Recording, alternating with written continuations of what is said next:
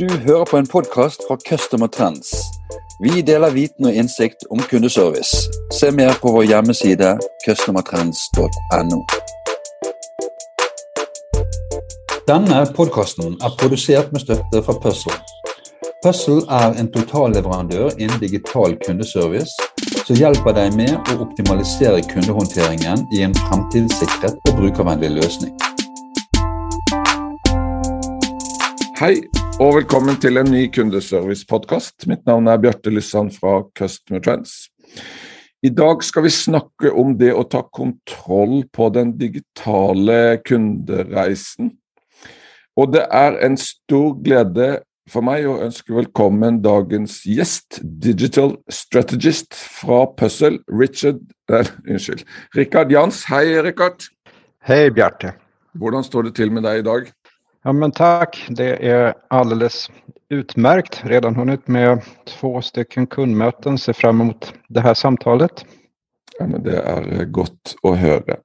Skulle vi starte Rikard, med at du fortalte litt om, om din um, karriere og, og, um, og, veien inn i puzzle-systemet? Eh, jag har jobbat med eh, kundservice kan man säga i väldigt många år. Och eh, det blev en anknytning till den digitala aspekten egentligen för ungefär 20 år sedan när jag jobbade med kundservice åt ett företag som hette Spray. Och Spray var en av internetpionjärerna som det kallades då i Sverige. Och det som var annorlunda då var att Sprays kunder, de befann sig ju på webben, vilket var ganska nytt då. Och om det var en av de, det var i alla fall en av de första, om inte den första digitala kundserviceportalen som jag var med och utvecklade då.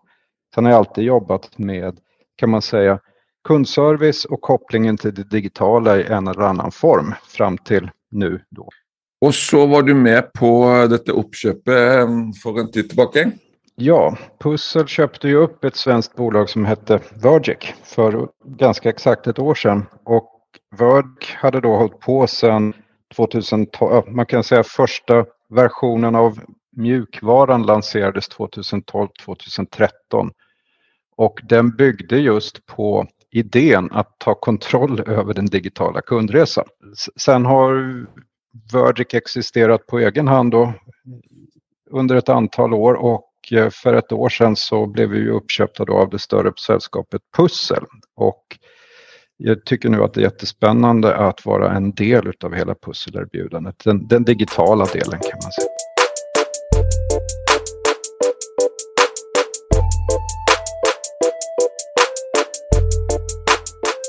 Rikard, hvorfor er det viktig å ta kontroll på den digitale kundereisen?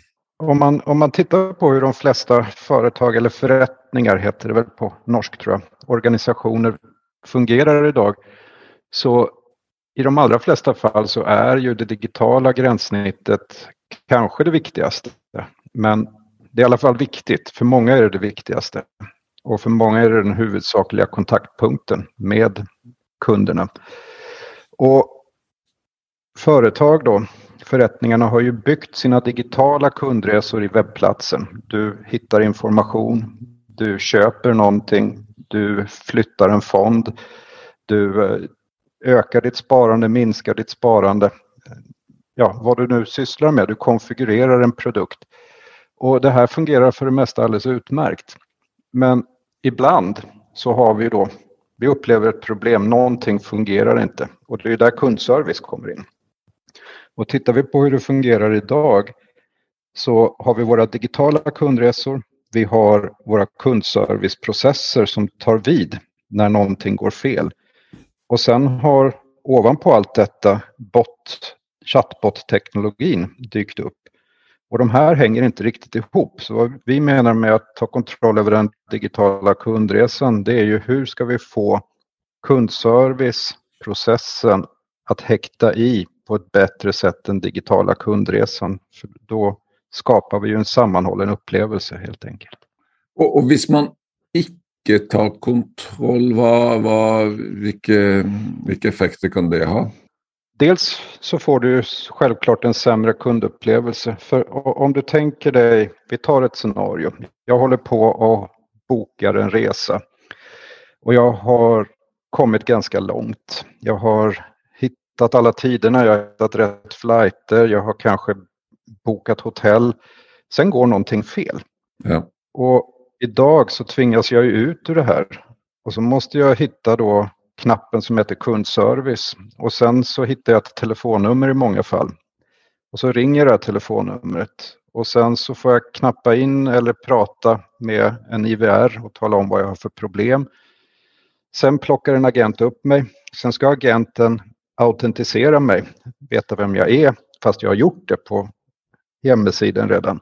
Ja. Eh, och, och sen ska jag förklara mitt problem. Så att det är problemet egentligen. Vi tappar effektivitet och jag, får, jag blir en irriterad kund.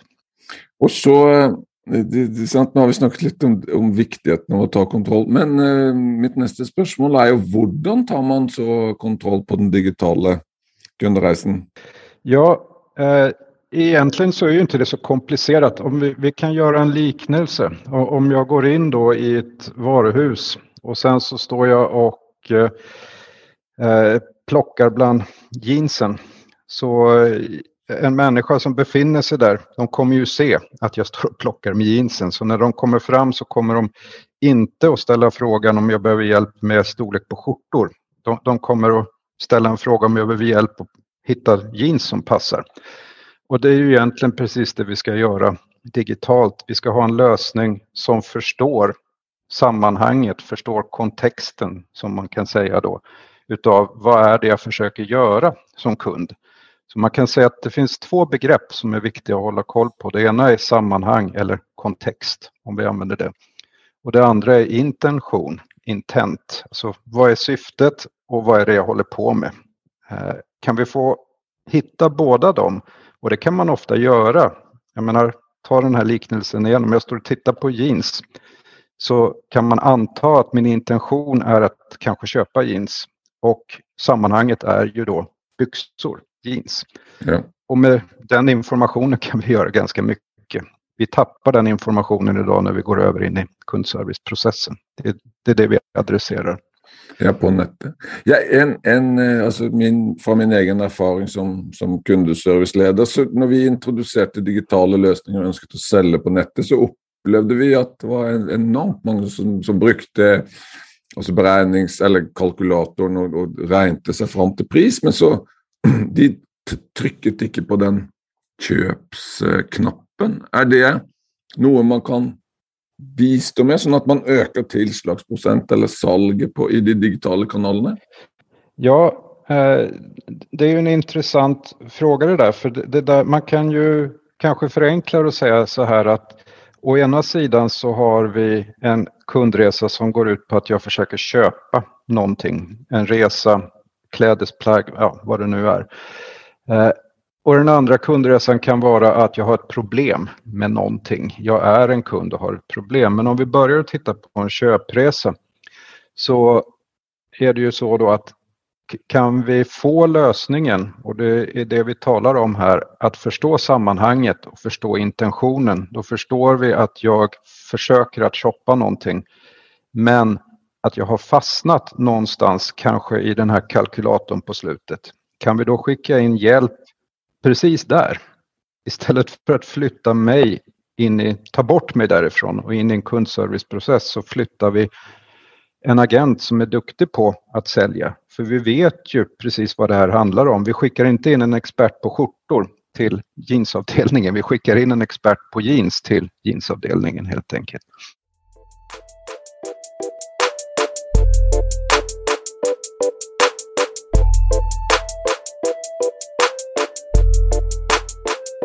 Den, den lösningen dere, har, vad, vad, vad slags referenser har du? Vad slags effekt kan man, kan man förvänta om man tar dessa investeringarna?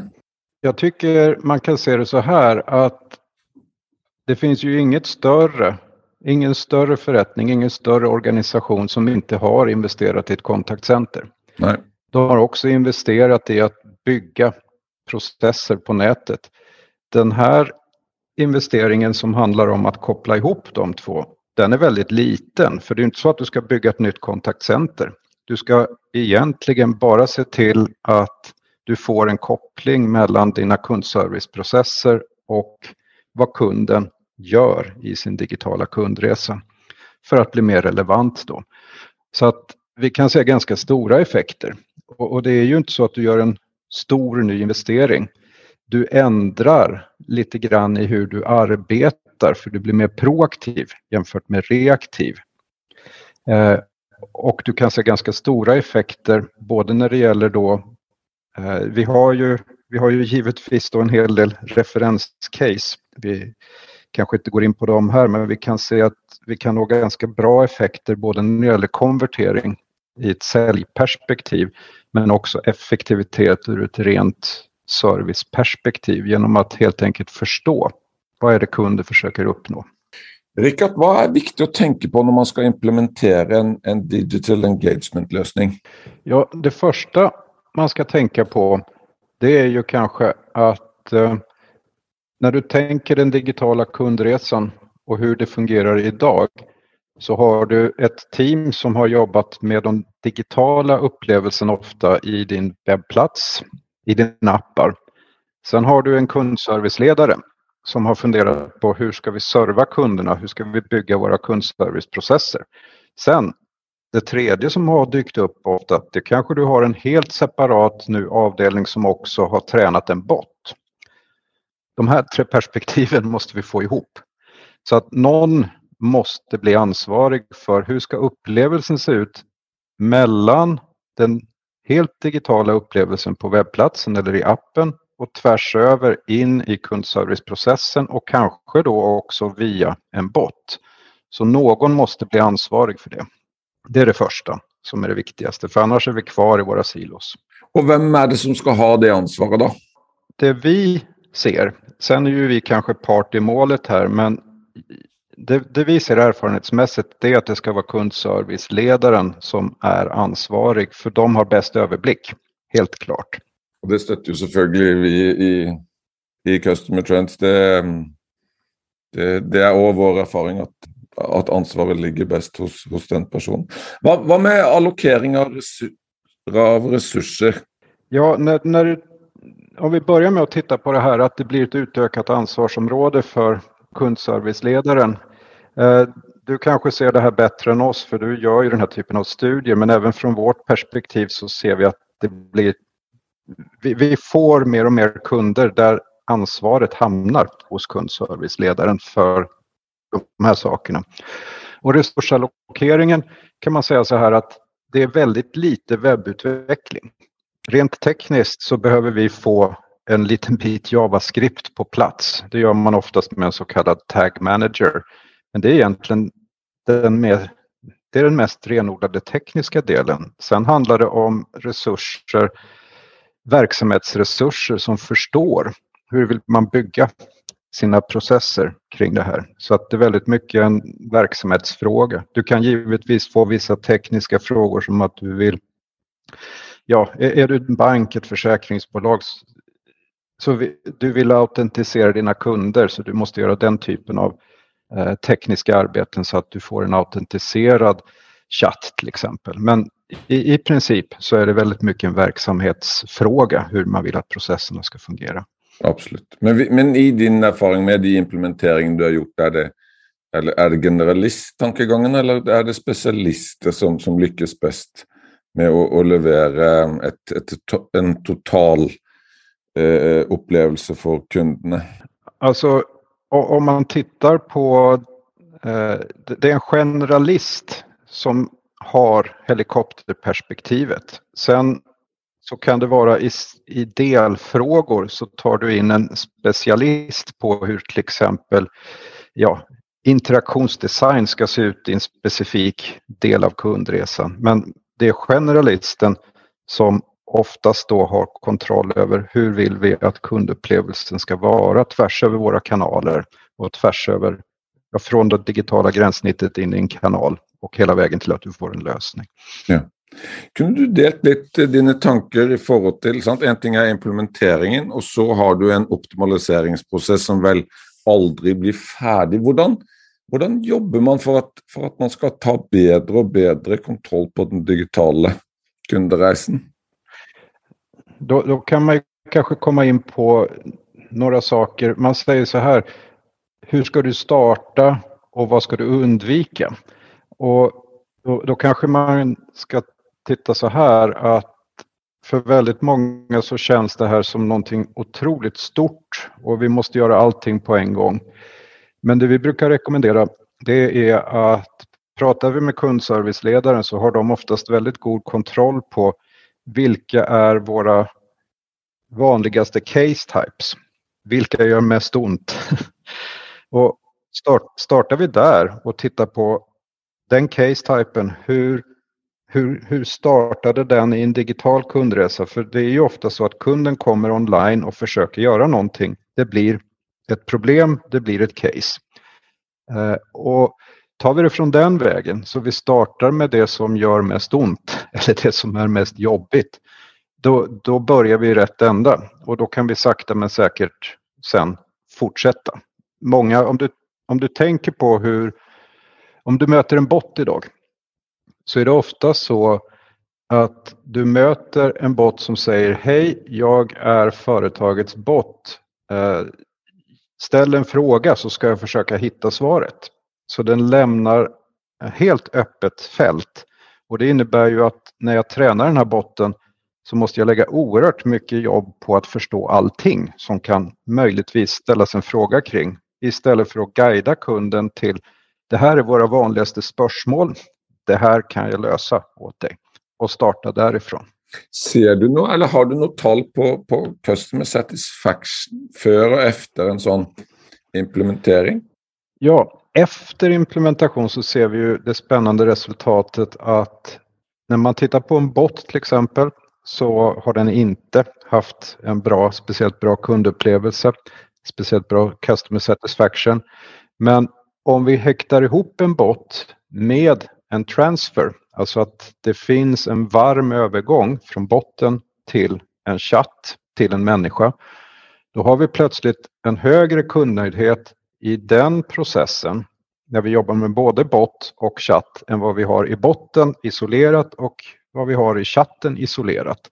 Så att det där är uppenbarligen någonting som vi ska titta närmare på sen. Att gör vi den typen av övergångar så, så får vi en väldigt bra kundupplevelse. Sen generellt så kan jag också säga att efter en sån här implementation, och det har vi sett också med många kunder, så ökar kundnöjdheten i de digitala kanalerna kraftigt. Därför att de är väldigt lätta då att skapa en hög relevans i att kunden upplever att jag ser, ni ser mig. Så att man ser oftast en ganska kraftig ökning där. Ja, det är väldigt, väldigt spännande och, det, och andra undersökelser visar ju också det att, att vi är förnöjda med botten om den hjälper oss med det vi, eh, det vi eh, ja, tränger hjälp till. Vi är, vi är framme med sista spörsmål, Rickard. Vad, vad tänker du om framtiden på detta område? Bot-teknologin, den är ju definitivt här för att stanna. Så att väldigt mycket kommer att, eh, kommer att handla om automatisering. Det kommer handla om bottar. Och jag tror att, nu gör jag ju en spekulation såklart. Jag, jag tror att vi kommer att se att vi lämnar det här perspektivet när botten i mer eller mindre idag bara är en FAQ. Vi kommer att se mera processorienterade bottar och den stora utmaningen kommer ligga i hur vi, hur vi väver samman då eh, botten med människan. Alltså det här att vi ska automatisera men vi ska göra det med empati, det vill säga att jag ska inte uppleva att jag försöker att, att ni försöker hålla mig borta från min kundservicekanalerna. Jag ska uppleva att botten snarare guidar mig och hjälper mig in i kundservicekanalerna. Och, och vad tror du om alltså antalet eh, marknadsplatser där man inte tar disse virkemidlene i bruk? Eh, alltså tror du detta blir en branschstandard eller en? Alltså det, man kan ju se så här att eh, det är på väg, tycker jag, att bli en standard att använda sig utav bot. Eh, precis som att det har blivit en standard att ja, du måste kanske använda dig av en chattkanal. Den stora utmaningen ligger snarare i hur du på ett bästa sätt får det här att fungera ihop. Det vill säga ämnet för dagens podcast. Hur, hur skapar du en bra sammanhållen kundupplevelse över kanalerna från digitala gränssnitt in i kundserviceprocesser. Jag tror den utmaningen kommer vi fortsätta att leva med. Eh, de tekniska förutsättningarna finns ju redan. Eh, men det är mer utmaningen att få det här sammanhållet. Ja. Jag, jag kanske ska säga så till och med så här att det är mycket en organisatorisk utmaning eftersom vi idag har silos. Du vet ju själv att vi har en kundserviceorganisation som kanske enbart ansvarar för kundserviceprocesser. Vi har ett webbteam, vi har ett appteam, vi har ett team som jobbar med botten. Det, det är den som är den stora utmaningen kanske. Jag sitter här och håller på min, på min mobiltelefon sant? Och, och, och själv så gör jag väldigt många av dessa digitala köpen mina på den mobiltelefonen genom eh, olika typer apps da, som fungerar mer eller mindre, mer eller mindre gott. Vad, vad tänker du om den plattformen? Vill dessa verktygen komma in hit också? Alltså när jag pratar om, alltså kan man säga så här, hela vårt samtal idag så ser jag egentligen ingen skillnad på mobila upplevelsen eller webbupplevelsen eller på en padda. Utan du, du, bygger för den digitala upplevelsen. Sen måste du bygga på ett sådant sätt så att det fungerar i alla, alla så kallade enheter, devices. Och den mobila är ju förmodligen den viktigaste. Vill det vara sista ord. Tusen tack för att du ville vara med Rickard och, och dela av din erfarenhet på ett eh, superspännande område. Men tack själv. Det var jättekul att vara med. Ha en fin dag. Tack, du med. Du har hørt en podkast fra Customer Trends. Vi håper du har latt deg inspirere og lært noe nytt. Finn ut mer om hvordan vi i Customer Trends kan hjelpe deg på customertrends.no.